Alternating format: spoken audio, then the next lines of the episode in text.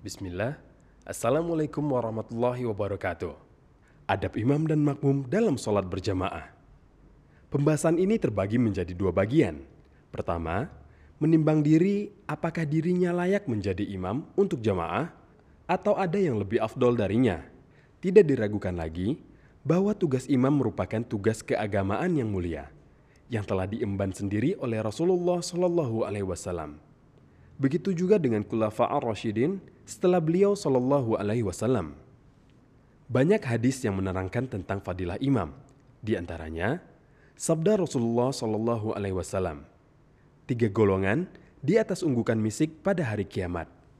Kemudian beliau menyebutkan di antara mereka ialah seseorang yang menjadi imam untuk satu kaum, sedangkan mereka kaum tersebut suka kepadanya.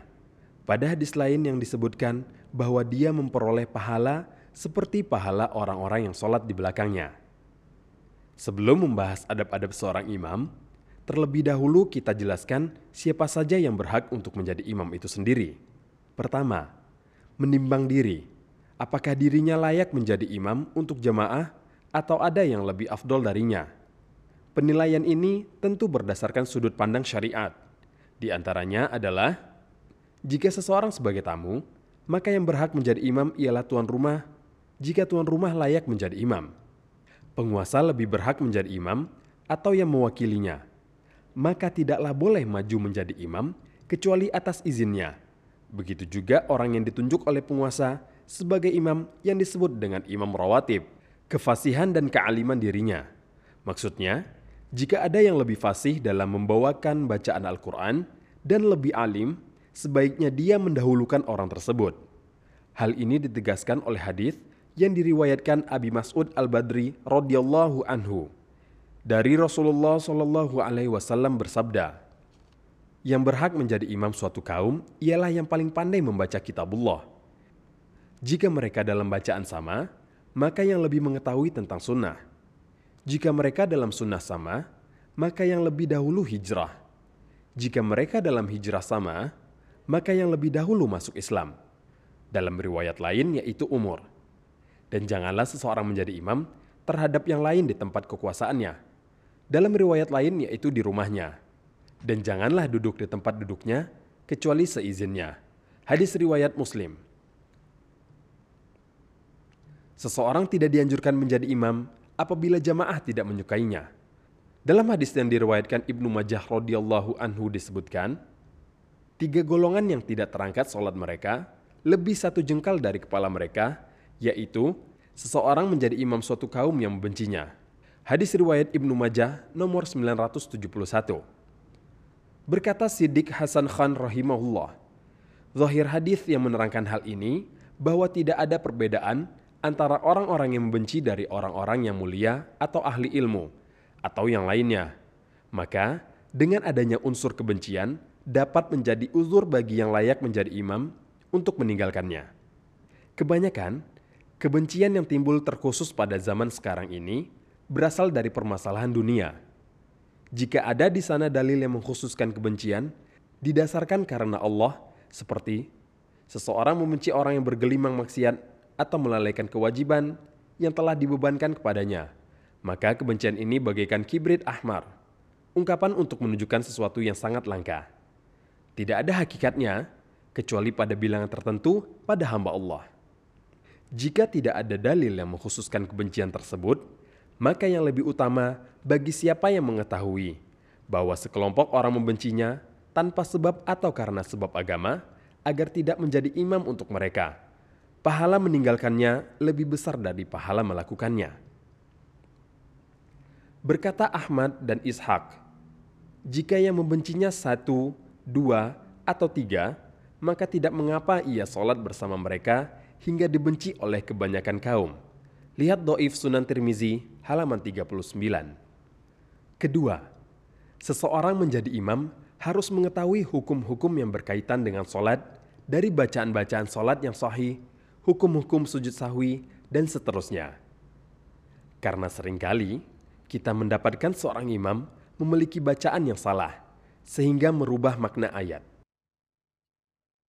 Ketiga, mentakhfif salat, yaitu mempersingkat sholat demi menjaga keadaan jamaah dan untuk memudahkannya. Batasannya dalam hal ini ialah mencukupkan sholat dengan hal-hal yang wajib dan yang sunat-sunat saja, atau hanya mencukupkan hal-hal yang penting dan tidak mengejar semua hal-hal yang dianjurkan. Di antara nas yang menerangkan hal ini ialah hadis yang diriwayatkan oleh Abu Hurairah radhiyallahu anhu. Jika salah seorang kalian sholat bersama manusia, maka hendaklah dia mentakhfif, karena pada mereka ada yang sakit, lemah, dan orang tua. Akan tetapi, jika dia sholat sendiri, maka berlama-lamalah sekehendaknya. Hadis riwayat Bukhari nomor 703. Keempat, kewajiban imam untuk meluruskan dan merapatkan soft. Ketika soft dilihatnya telah lurus dan rapat, barulah seorang imam bertakbir sebagaimana Nabi Shallallahu Alaihi Wasallam mengerjakannya.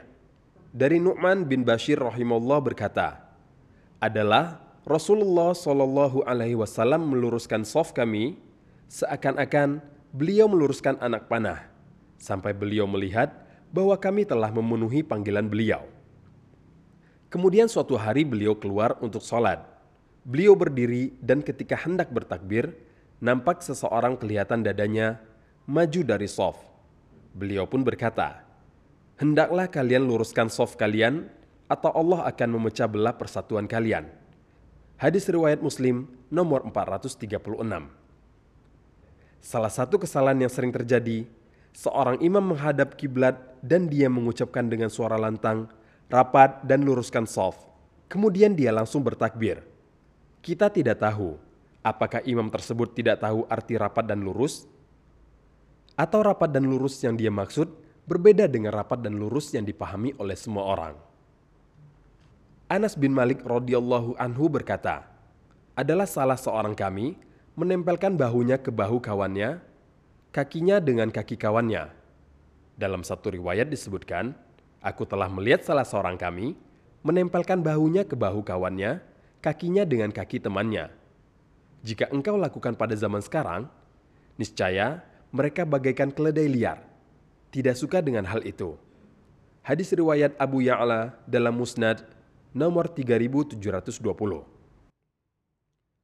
Oleh karenanya, Bushair bin Yasar al-Ansari berkata, dari Anas radhiyallahu anhu bahwa ketika beliau menjawab, tidak ada yang aku ingkari dari mereka kecuali mereka tidak merapatkan soft. Berkata Syekh Mashur bin Hasan Hafizahullah, jika para jamaah tidak mengerjakan apa yang dikatakan oleh Anas dan Nu'man radhiyallahu anhum, maka celah-celah tetap ada di soft. Kenyataannya, jika soft dirapatkan, tentu soft dapat diisi oleh dua atau tiga orang lagi. Akan tetapi, jika mereka tidak melakukannya, niscaya mereka akan jatuh ke dalam larangan syariat. Di antaranya, membiarkan celah untuk syaitan dan Allah Azza wa Jalla putuskan perkaranya sebagaimana yang diriwayatkan oleh Ibnu Umar radhiyallahu anhu. Bahwasanya Rasulullah Shallallahu alaihi wasallam bersabda Luruskanlah soft kalian dan luruskanlah pundak-pundak kalian dan tutuplah celah-celah. Jangan biarkan celah-celah tersebut untuk syaitan. Barang siapa yang menyambung soft niscaya Allah akan menyambung urusannya barang siapa yang memutuskan soft niscaya Allah akan memutuskan urusannya. Hadis riwayat Abu Daud dalam Sunan nomor 666. Hilangnya pahala yang besar sebagaimana diterangkan dalam hadis sahih di antaranya sabda Rasulullah Shallallahu alaihi wasallam. Sesungguhnya Allah dan malaikatnya mendoakan kepada orang yang menyambung soft. Hadis riwayat Ahmad. Kelima, meletakkan orang yang telah balik dan berilmu di belakang imam sebagaimana yang disabdakan oleh Rasulullah Shallallahu Alaihi Wasallam, hendaklah yang mengiringiku orang-orang yang telah balik dan berakal, kemudian orang-orang setelah mereka, kemudian orang-orang setelah mereka, dan janganlah kalian berselisih, niscaya berselisih juga hati kalian, dan jauhilah oleh kalian suara riuh seperti di pasar. Hadis riwayat Muslim nomor 432 dan Ibnu Khuzaimah dalam Sahih nomor 1572. Keenam, membuat sutroh atau pembatas ketika hendak sholat. Hadis yang menerangkan hal ini sangat masyhur. Di antaranya hadis Ibnu Umar radhiyallahu anhu. Janganlah sholat kecuali dengan menggunakan sutroh atau pembatas. Dan jangan biarkan seseorang lewat di hadapanmu. Jika dia tidak mau, maka bunuhlah dia. Sesungguhnya bersamanya jin. Hadis riwayat Muslim nomor 260. Sedangkan dalam sholat berjamaah, maka kewajiban mengambil sutroh ditanggung oleh imam.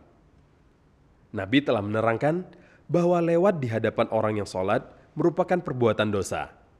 Beliau Shallallahu Alaihi Wasallam bersabda, jika orang yang lewat di hadapan orang sholat mengetahui apa yang dia peroleh dari dosa, niscaya dia berdiri selama 40. Itu lebih baik daripada melewati orang yang sedang sholat tersebut. Ketujuh, menasehati jamaah agar tidak mendahului imam dalam ruku atau sujudnya, karena seorang imam dijadikan untuk diikuti. Imam Ahmad berkata, Imam adalah orang yang paling layak menasehati orang-orang yang sholat di belakangnya dan melarang mereka dari mendahulunya dalam ruku atau sujud. Janganlah mereka ruku dan sujud serentak dengan imam. Akan tetapi, hendaklah memerintahkan mereka agar ruku dan sujud mereka, bangkit dan turun mereka dilakukan setelah imam dan hendaklah dia berbaik dalam mengajar mereka, karena dia bertanggung jawab kepada mereka dan akan diminta pertanggungjawabannya besok. Dan seharusnya lah imam memperbaiki sholatnya, menyempurnakan serta memperkokohnya. Dan hendaklah hal itu menjadi perhatiannya. Karena jika dia mendirikan sholat dengan baik, maka dia pun memperoleh ganjaran yang serupa dengan orang yang sholat di belakangnya. Sebaliknya, dia berdosa seperti dosa mereka jika dia tidak menyempurnakan sholatnya.